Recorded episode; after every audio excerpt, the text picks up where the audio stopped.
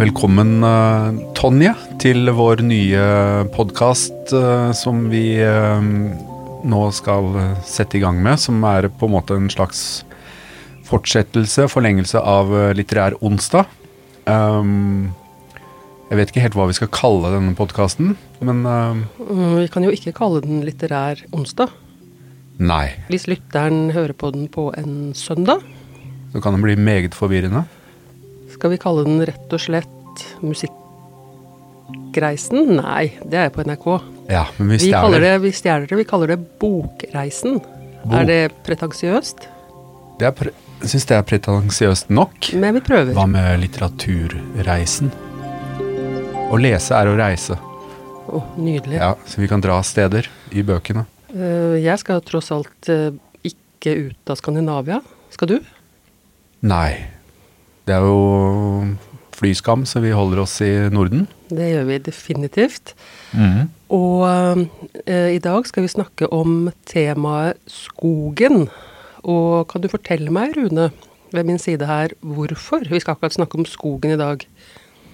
Jo, det er fordi uh, Tygeson uh, kommer til Rygge bibliotek den 24. 24.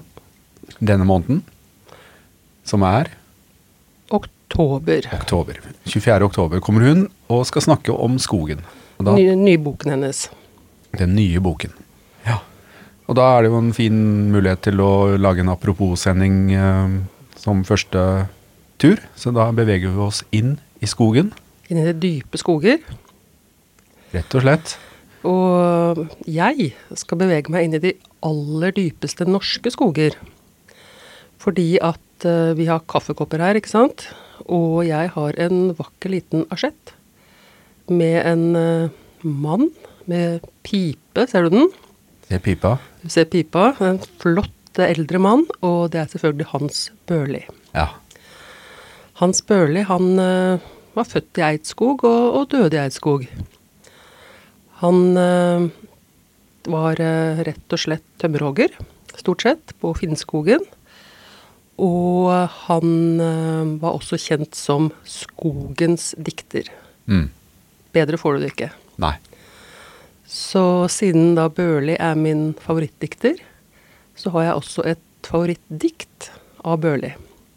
Skal jeg bare sparke i gang med å lese det? Jeg syns det er en fin åpning.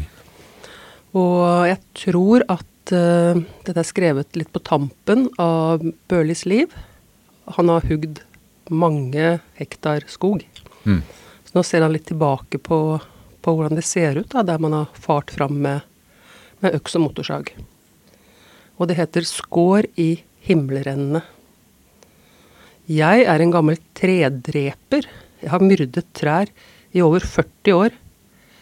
Høye, svaie frograner, risbjørker, malmfuruer, som nåler, blågrønne som lufta, en skaremorgen om våren. Jeg la dem i bakken med kaldt stål og holdt mitt vemod i sjakk med et snusbrunt tømmerhoggerflir.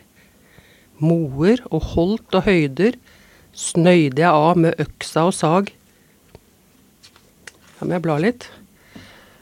Tre for tre, tylft for tylft, til fuglen ikke lenger fant en grein å hvile vingen på under stjernene. Gruppehogst heter det i forstterminologien, hvor fagbillen for lengst har gnagd sinn og hjertelag ut av de tørrkloke ordene. Det glisner på høydene i vest, der sola før la gullet sitt på mjukt bar om kvelden. Jeg ser det når jeg står ved vinduet hjemme i stua og glåmer langsynt innover mot Raufjellet og Hestknatten. Det syns etter deg. Du har laget skår i himmelrennene. Fint. Veldig fint. Det er som å være i skogen.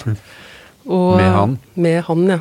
Eh, Jeg må bare nevne at eh, faktisk den eh, driftige Børli, han debuterte som 14-åring.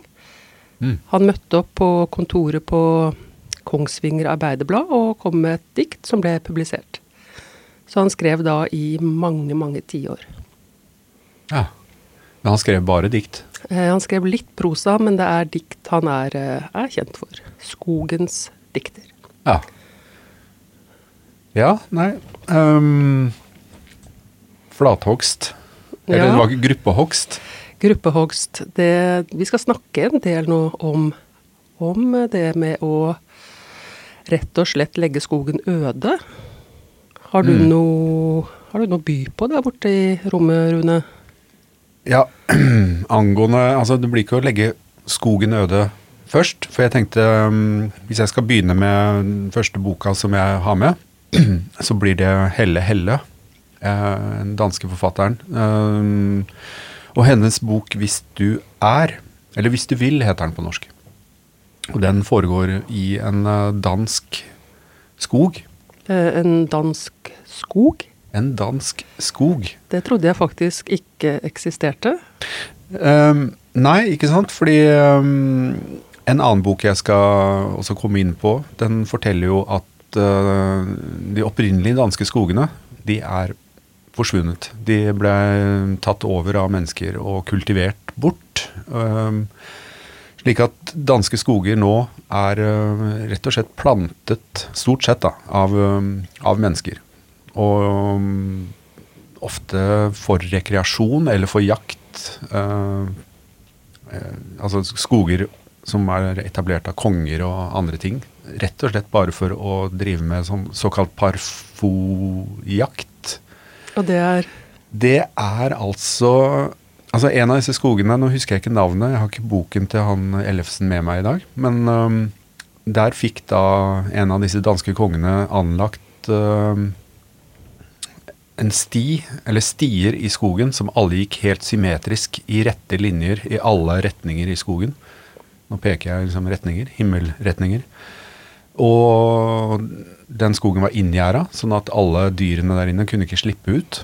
fasaner. Var det ikke noe jakt på dem fra kongenes side? Det var det sikkert, men her tror jeg var hjortedyr. Ja, og ting, selvfølgelig. ikke? Og da dro jaktlaget først ut og tretta ut uh, dyret. Um, helt fram til det ble så slitent. Uh, og når hjorten blir sliten, så står den bom stille.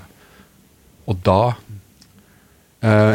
gir de da et signal til kongen, som, som da er i midten av skogen, i senter. Og når han hører signalet, så rir han da på en av disse stiene bort og gir nådestøtet til hjorten. Det er juks. For det var, ja, det var det bare kongen som skulle gjøre. Men du, eh, bare som et apropos, Rune. Du nevnte Ellefsen. Mm. Eh, Det er jo en bok du skal ta fram et par ganger senere også. Ja, jeg tror jeg kommer til å hoppe imellom eh, Ja, imellom eh, bøker her. For det er boka til Bernhard Ellefsen, ikke sant? Det stemmer. Den eh, heter 'Det som går tapt'. Og den handler jo nettopp om eh, litteratur som skriver om naturtap og mm, ja, altså hvordan mennesker forholder seg, til naturen, og hvordan vi eventuelt kan benytte litteratur til å se naturen bedre. Så Men eh, de danske skogene ja, de danske skogene. Eh, jo, Helle Helle har da skrevet en liten roman, en uh, kort, kort roman, som uh, rett og slett starter med en jogger som løper seg vill i en liten dansk skog, som det ifølge da Bernhard Ellefsen burde være ganske umulig å klare å gjøre. Og der i denne skogen så møter han en annen kvinnelig jogger som også har gått seg, løpt seg vill. Um, og de finner da sammen uh, i en gapahuk og må gjennomleve en ganske kald og kjip natt i skogen. Um, og det er liksom rammen for fortellingen, som egentlig gir bakgrunnshistorier uh, fra begge personene, uh, som viser også at det er ikke bare skogen de har løpt seg vill i, de har gått seg vill i eget liv. Så det er en veldig sånn kort og um, fin roman om ja, å gå seg vill i seg selv og gå seg vill i en umulig å gå seg vill i skog. Ja. Det er en ganske tynn, eh, tynn liten bok. Det må stå mye, håper både på og mellom linjene. Ja, jeg tror det er det Helle Helle er veldig flink til, å, å bruke liten plass til å si veldig mye. Så det er en veldig um, men, menings... eh, hva skal jeg si for noe? En sånn meningstettet bok, da. Som jeg fant eh, stor glede i. Mm. Altså Denne podkasten bygger jo på et eh, arrangement vi har hatt på Moss bibliotek. Og etter at du hadde snakket om eh, Helle Helle, så var det en publikummer som nærmest rev den ut av eh, hendene dine. Ja. Så den må du ha frontet veldig bra. ja. Nei, men det, det håper jeg jo, da. Bedre enn nå, kanskje. men, men du, da. Du har jo også Nå ser jeg at du er i Jeg har eh, boken i hendene her, Mm eh, og det er eh, rett og slett humor i skogen. Ja. Det kan man også ha. Og det er Erlend Los bok 'Doppler', som jeg har her i hendene mine. Og som en liten anekdote kan jeg fortelle om da jeg leste den første gang. Eh, Jeg satt i stuen og, og lo, og lo så, jeg, lo så jeg skrek. Og da kom sønnen min inn svært bekymret og ropte 'mamma, mamma, har du fått et drypp?' Så sa jeg 'nei, nei, min sønn, jeg leser Doppler'. Og den starter slik. Min far er død. Og i går tok jeg en elg av dage. Hva skal jeg si? Det var den eller meg. Og Doppler, det er da jeg-personen i boka. Og jeg må skyte inn enda en ting, Rune. Mm. For vi har snakket om uh, Jon Fosse. Ja, Ja. All ære til Jon Fosse Mm. med nobelprisen. Han har uh, en veldig aversjon mot å bruke punktum. Ja. I boka 'Septologien', eller den, uh, det er en trilogi, der har han faktisk ingen punktum. Og en låner sjekket i går at han ikke hadde komma heller. Oi, oi, oi. oi. Så det er en utfordring å lese. Erlend Loe derimot, han har fryktelig mange punktum. Korte og fyndige setninger, som de jeg leste i stad. Doppler, han er en eh, ja, hva skal jeg si, øvre middelklasse, økonom, kone, to barn, alt på stell. Eh, Men det som eh, plager Doppler, er at han hater mennesker. Han hater mennesker så intenst, og han hater kjenningsmelodien på barne-TV. Han hater krig. Han syns at det er veldig enerverende når han skal velge baderomsfliser, at det pågår en krig som bryr ham.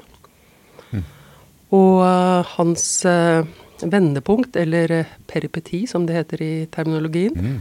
det er når han er ute og sykler på terrengsykkelen sin og faller av og ligger med hodet i mosen. Og da tenker han nå er jeg lykkelig. I skogen. Og det gjør han noe med. Han flytter rett og slett opp i skogen, bygger seg gapahuk og er mutters alene. Denne elgen, da, denne, denne elgen han skjøt, den eh, hadde dessverre en elgkalv som tittet fram etter at Doppler hadde skutt, skutt moren. Så han tar seg av elgkalven og kaller den Bongo, etter sin far. Mm. Altså, han heter jo ikke faren Bongo, men Doppler mener at man skal være åpen for de rare tilfeldighetene her i livet. Mm. Så han eh, drar da rundt på elgkalven, prøver å bytte elgkjøtt mot skummet melk på nærmeste butikk. Så han Ja. driver rett og slett noe sånn tilbake til naturen byttehandelprosjekt. Mm. Trives godt helt til eh, skogen begynner å fylles av folk. Mm. Altså det er litt av et persongalleri som kommer opp i, i skogen her. Det er eh, modellbyggeren Düsseldorf. Alltid eh, klar for et selvmord. Det er eh, høyremannen Bosse, og det er eh, innbruddstyven Jernroger. Og da begynner det å gå for seg. Høyremann Bosse han, eh, han går fra å bli høyremann til en eh, multikulturell elsker, holdt jeg på å si. Ja. Han skal arrangere en såkalt frihetsfestival, hvor alle mennesker kan komme og ja, Det her liker jo ikke Doppler. Mm. Düsseldorf og eh, Jernroger går på fylla, og det blir rett og slett for mye for Doppler. Som jeg sa, hater mennesker, og her er menneskene fulgt etter ham opp i skogen. Så han eh, flytter til en ny skog, og det skildrer da Lo i Volvo Lastvagnar, som er toeren. Mm. Den har jeg ikke lest, for jeg vil ikke ødelegge opplevelsen med, med Doppler, så jeg aner ikke hva som skjer oppe i den nye skogen. Ja, jeg, jeg har lest den. Jeg har lest øh, avslutningen òg. Verden, Verden. slutten på verden som vi kjenner den. Ja, stemmer. Ja, jeg vil anbefale at du leser videre. Ja, begge Det- to. Ja, absolutt. Og, og noen mener at en Volvo lastvogner er en sånn liten dipp, men jeg er ikke enig. Ikke? Jeg, jeg, jeg likte alle tre. Eh, Ja. Men jeg er litt sånn Erlend Lo. Han får nok neppe Nobelprisen og er kanskje glemt om 100 år.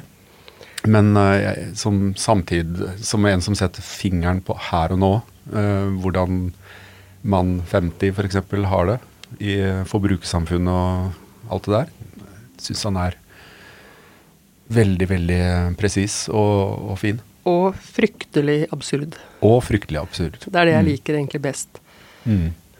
Det syns jeg ser på fanget ditt, at du også har en uh, liten grønn bok om Er det også litt humor i skogen, muligens? Ja, altså I og med at du hadde Doppler, så tenkte jeg at uh, Gutta på skauen, som jo er uh, Per Skreiner, Erlend Lo og den boka ble lånt ut på Bokkafeen, så jeg husker ikke navnet på han. Den nå? Jo, Johannessen. Ble den også røsket ut av hendene dine? Ja, jeg tror det. Men uh, Gutta på skauen er jo uh, en slags uh, farse over, uh, over motstandsmenn som dro til skogs under krigen. Og da går vi inn i en uh, historie om en gruppe som vi dessverre fram til nå ikke har hørt noen ting om, fordi at de bedrev fint lite motstand. Det blei mer snakk om hvordan de skulle utføre motstanden, og en del telefonering til London for å be om utsettelse på diverse aksjoner som de følte at de ikke var helt klar for, eh, før de liksom hadde fått bygget ferdig team-spiriten. da. Og de hadde litt sånn teambuilding. ja, de mente at det var viktig at de på en måte ble kjent, godt kjent, og eh, ja, rett og slett ble en sammensveisa gjeng før de begynte å sprenge broer og, og drive med motstand. Da. Så ja, det er um, Man kan si at det er litt slemt, kanskje, å, å harselere over motstandsbevegelsen i Norge, men jeg syns de gjør det på en varm, flott måte. Og de tar jo også en uh, en tysker til fange som de dessverre etter hvert blir så god venn med at de ikke klarer å gjøre av med han. Uh, Vet du hva, det høres ut som Erlend Loe. det, det er Erlend Loe. Uh, Jo, men er det hans stemme som på en måte går som en rød tråd gjennom boka? altså, Erlend Lo og Per Skreiner syns jeg har mye til felles, uh, i, i hvert fall på en måte tematikk og sånn, men jeg, altså telefonene til London for da, som er uh, da lederen for motstandsgruppa og en kvinne som, uh, som er i andre enden, den er sånn klassisk Erlend Lo med korte setninger og ja, sånn lett absurd hvordan man begynner å snakke om hverdagslige ting, hva du har på deg akkurat nå, sånn, ja. Hvorfor har ikke jeg lest den? Jeg vet ikke. Altså, det er jo en veldig lett bok, og den er jo Man kan avfeie den som litt sånn Ja, den ble jo til en TV-serie. Jeg vet ikke om du har sett den? Nei, ikke det heller. Nei. Den var også morsom, men eh, jeg syns boka trumfer TV-serien eh, mange, mange ganger. Den ble egentlig mer vellykka enn enn serien, som de også var med på å lage, da. Forfatterne. Det er en pen bro over til eh, min eh, tredje bok. Mm. Også en bok som har blitt en TV-serie. Det er den monumentale svenske romanen 'Hendelser ved vann' av Kjerstin Ekman. Mm. Den eh, leste jeg først da den kom, i 93. Da var jeg i begynnelsen av 20-årene. Og jeg har lest den faktisk gang på gang. Og det er noe som kommer til å komme tilbake i våre pod eh, podkaster, Rune.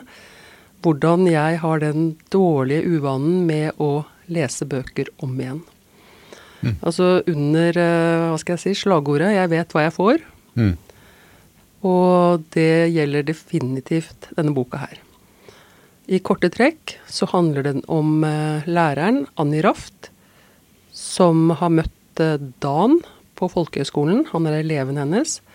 Og hun slutter på skolen og reiser etter dagen for å eh, slå seg sammen med ham og en gjeng med andre mennesker i det jeg vil kalle en sekt. Det var veldig populært på 70-tallet, dette er 73, å flytte inn i sånne communes som det heter på engelsk. Selvberging og, og hele pakka. Mm. Det som skjer, er at uh, da Annie Raft sitter på en melkerampe i det lille samfunnet Svartvatnet, så dukker ikke den opp for å hente henne.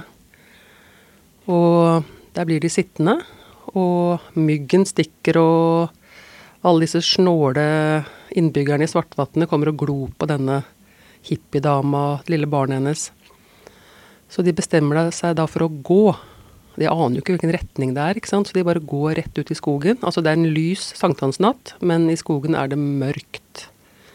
Rett og slett eh, høye trær og veldig trolsk.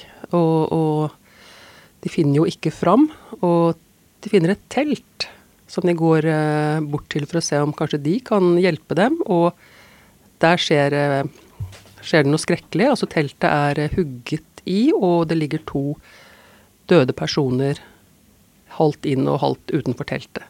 Mm. Dette her er jo en helt grusom opplevelse, og ikke nok med det, men Annie ser da en, en mann løpe forbi. Hun ser ham ganske klart, og tenker at dette her er da morderen. Eh, neste tidsplan er 20 år fram i tid. Da er vi i eh, 93. Og Annie ser da denne mannen igjen. Hun husker ham helt nøyaktig, og han kommer da til huset sitt, huset hennes som kjæresten til datteren. Og uh, dette her er Jeg skal ikke si så veldig mye mer om det, men uh, det skjer ting på begge plan. Det er så morsomt, siden jeg har lest den så mange ganger. Da jeg leste den først, så var jeg veldig opptatt av denne, denne sekten. Jeg Mm. syntes det var så spennende. Altså selvberging, lederen for sekten, Petrus med geitemelk i skjegg og Altså, jeg syns det der var utrolig fascinerende. Et annet aspekt, da jeg leste den senere, det er eh, denne mannen som løper forbi, Johan. Han eh, blir tatt opp av en finsk eh, kvinne som lærer ham masse om, om skogen, altså mytologi i forbindelse med skogen. Hva som skjer med økologi, altså øko, det økologiske systemet når vi da hugger ned store, store skogpartier. Så for meg så gikk det fra den derre sektfølelsen til, til mer av det, det større bildet. Mm. Du har ikke lest den, du, Rune? Jeg har ikke lest den. Eh, jeg har sett serien. Jeg syns den var helt eh, Ja, den, den var virkelig noe av det bedre jeg har sett. Så jeg, jeg får jo veldig, blir veldig nysgjerrig på boka. Den er jo ikke så Det er ikke sånn murstein av en bok. Sånn Mm, jo, du ser den her eh, ved siden av meg, og Ja. du blir lurt. Ok. Fordi at den ser tilforlatelig relativt tynn ut, men den er da trykket med verdens minste skrift. Mm, Så det er en murstein. Okay. Så du må ha tålmodighet. Så når du Mm. kommer inn i, i den stemningen, da er du solgt. Ja. Og jeg kan si at jeg var enormt i tvil om hvorvidt jeg skulle se serien, siden Mm. jeg har et sånt intenst forhold til boka. Og jeg må si at de har gjort det utrolig bra. Altså, de har fanget den stemningen med mørke skogen, persongalleriet. Mm. Så det er helt, helt fantastisk. ja. Men i serien så hun finske sjåføren, da, eller hva jeg skal kalle henne, hun, hun lærer Eller jeg får ikke så mye inntrykk av at det er akkurat skogen han lærer om. Det er mer uh, vet du hva? Det der seksuelle Ja, jeg vet ikke helt. Det er mitt store ankepunkt mot, eh, mot serien.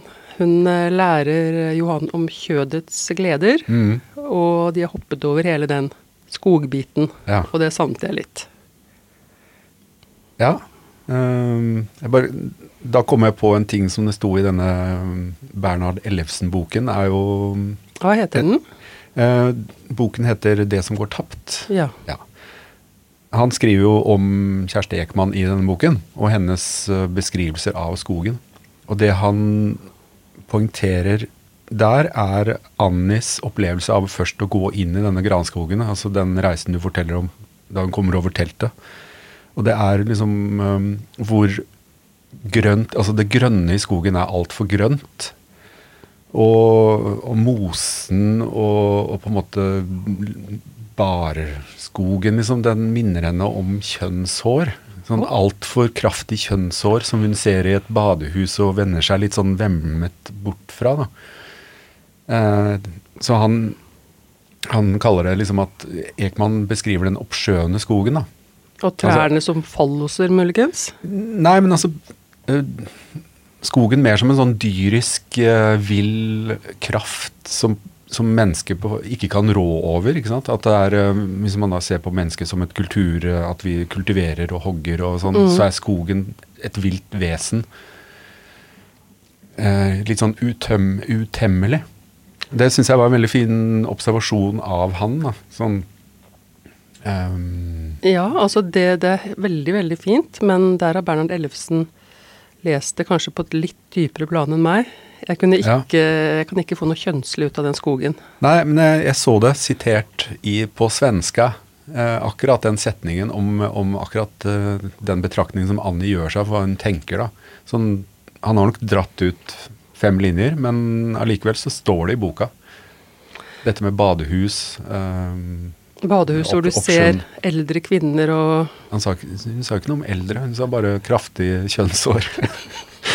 så. men, men uh, ok. Det, Det var en liten digresjon. Den, den er fin. Den er fin. Den er saftig. Ja. Mm. Men uh, skal jeg si litt mer om eh, Ellefsen, det som går tapt-boken? Før vi renner ut av sanden på tid? Å, det må du gjøre kjapt, for vi har flere ting her Vi som har vi sitter ting. med. Ja, nei, fordi um, han skriver jo bl.a. om eh, Mikkjel Fønhus i denne boken. Å nei. Jo, det gjør han. Og du har litt Åh, jeg har traumer. Jeg har traumer når det gjelder Mikkjel Fønhus. mm. Jeg har nemlig to lærerforeldre, og de fikk for seg at uh, det kunne være sunt for min uh, utdanning å lese litt om skogen. Så de tvang på meg både Trollelgen og en bok om en gjedde. Den var om mulig enda kjedeligere enn Trollelgen. Mm. Jeg var så snill som liten, så jeg sa ikke nei. Jeg leste meg gjennom disse bøkene og hatet hvert sekund.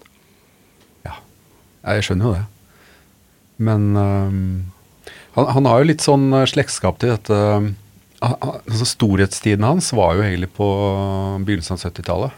Og det var jo i på en måte samtidig med at miljøbevegelsen fikk et kraftig oppsving. Som jo resulterte til uh, f.eks. sånne kollektiver mm. i Kjersti Ekmanns uh, rundt Svartvatnet. Altså denne bevisstheten rundt at mm, forbrukersamfunnet mm, tærer på jordkloden, at vi er liksom på ville veier, da. Det er, det er en sånn link mellom øh, Altså mellom uh, Mikkjel Fønhus uh, sin naturoppfatning og, og det at på en måte man må se og behandle naturen med respekt, øh, og at selv om den sterkestes rett råder i naturen, og, og mennesket på en måte står over som den sterkeste av alle, så betyr ikke nødvendigvis at uh, det å være sterkest gjør at det du gjør, er rett. Nei, ikke sant? Og det, det gjelder jo mange av de bøkene vi har snakket om. Men uh, Fønhus skrev jo tidligere, Var det ja, han, slik- skrev, han skrev tidligere. Han døde jo i 73. ikke sant? Så de tok kanskje opp ham da, igjen.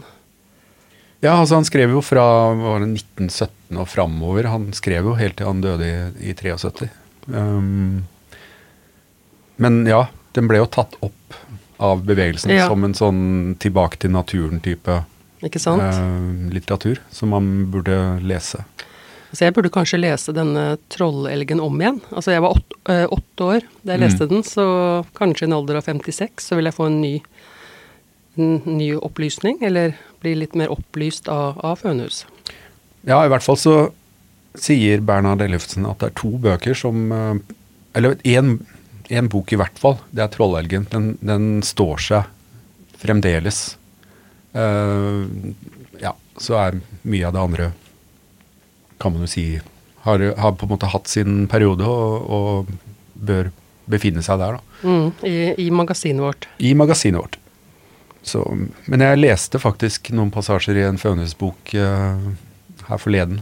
Jeg, jeg syns egentlig at det var eh, fascinerende hvordan man følger et dyr, og, og liksom med Ja, Uten å egentlig besjele dyret, men han beskriver liksom Litt utenfra, på en måte. Mm. Men hvordan han beskriver altså hvordan naturen er. da. At det er liksom Vi bruker det til rekreasjon og, og løper rundt og går i sportsklær og sånn, mens naturen i seg selv er jo en ganske sånn voldsom affære. Og du skal ikke langt ned i nabolaget ditt utafor før det på en måte er en helt annen verden. Helt andre lover. Ja, snakk for deg selv, Rune. Du bor jo i Ås. Ja. Jeg bor jo i Moss, like ved en haug med industri, så det er lite skog. Ja ja, men rett bortenfor så er Jeløyen og Jeløen. Det er. Jeløya. Mm. Det er sant. Eh, hvordan ligger vi an her? Har vi noen bøker igjen i bunkene våre? Du har i hvert fall én bok igjen, ser jeg. Jeg har én bok igjen, og den skal jeg være ganske kjapp eh, med. Eh, lyttere av vår podkast vil eh, forstå at jeg er en eh, krimsluker. Er det et ord? Det er et ord nå. Ja, det er et ord nå. Eh, så jeg har tatt eh, raskt fram en eh, krimbok av Stina Jackson. Hun vant den såkalte Glassnøkkelen, som er Riverton-prisen for hele Norden. Og dette er debutboka hennes, 'Sølvveien'. Og Sølvveien det er da riksvei 95 i Norrland i Sverige. Og det kalles Sølvveien fordi at hvis man ser det ovenfra, så er det bare skog. Stor, tett skog, og den riksveien går som et sånt sølvbånd gjennom skoglandskapet. Og øh, i skogen så befinner da, da Lennart seg, han er lærer, og øh, har mistet sin eneste datter Linda. Han satte henne av på en bussholdeplass tre år tidligere, og hun er ikke sett igjen.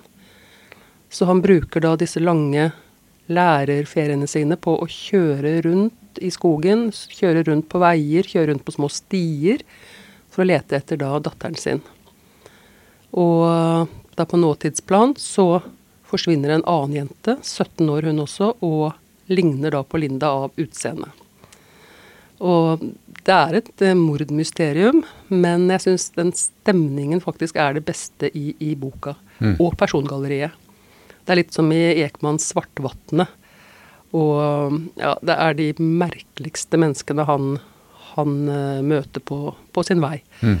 Og um, det er et veldig, ja, veldig morsomt å lese, da. Altså om man kan kalle det morsomt i en krimbok, så, så stikker de figurene fram. Så skal du lese én krimbok i år, så velg den. Da kanskje jeg skal lese en i år. Du, Rune, er ingen krimsluker. Nei, men jeg, jeg leser jo en og annen krim. Det, det hender. Så skal du lese én bok av min bunke her, så må Mm. det bli 'Hendelse ved vann'. Jo, men den har jeg jo sett serien på. Jo, så- men du må lese boka også. Jeg lover. ja, Bare vær tålmodig. Ja, ja, jeg burde kanskje gjøre det.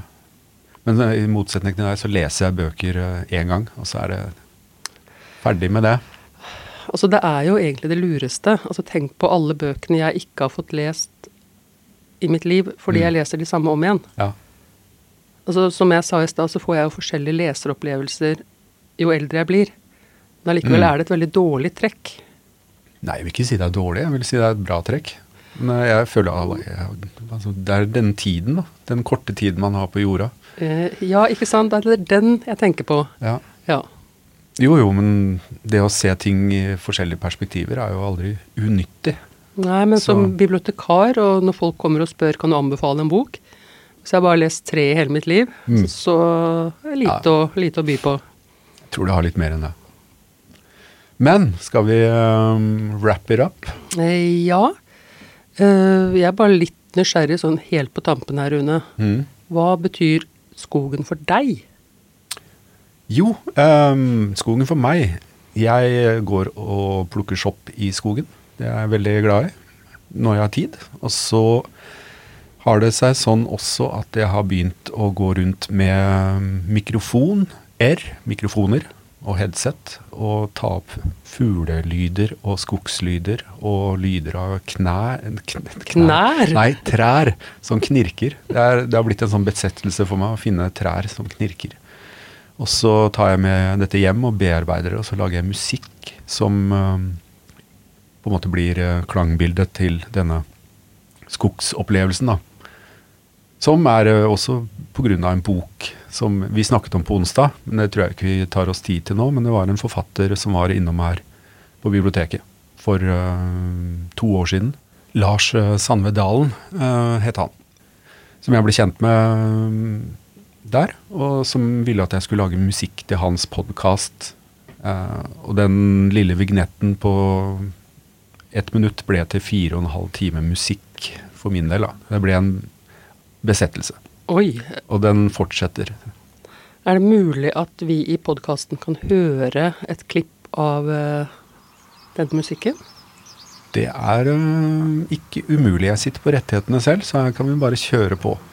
Så um, vi kan la det være en sånn out, outroen til oss, dette her. La oss gjøre det. Ja, Så hekter du på litt, uh, litt knirking og litt fuglelyd. det gjør jeg. Men da ses vi kanskje neste onsdag. Eller ikke neste onsdag, en onsdag i nærheten av oss. En onsdag i november. Ja. Og da blir det også podkast etterpå. Temaet har vi fremdeles ikke funnet, men det gjør vi. Det gjør vi. Takk for oss. Takk for oss.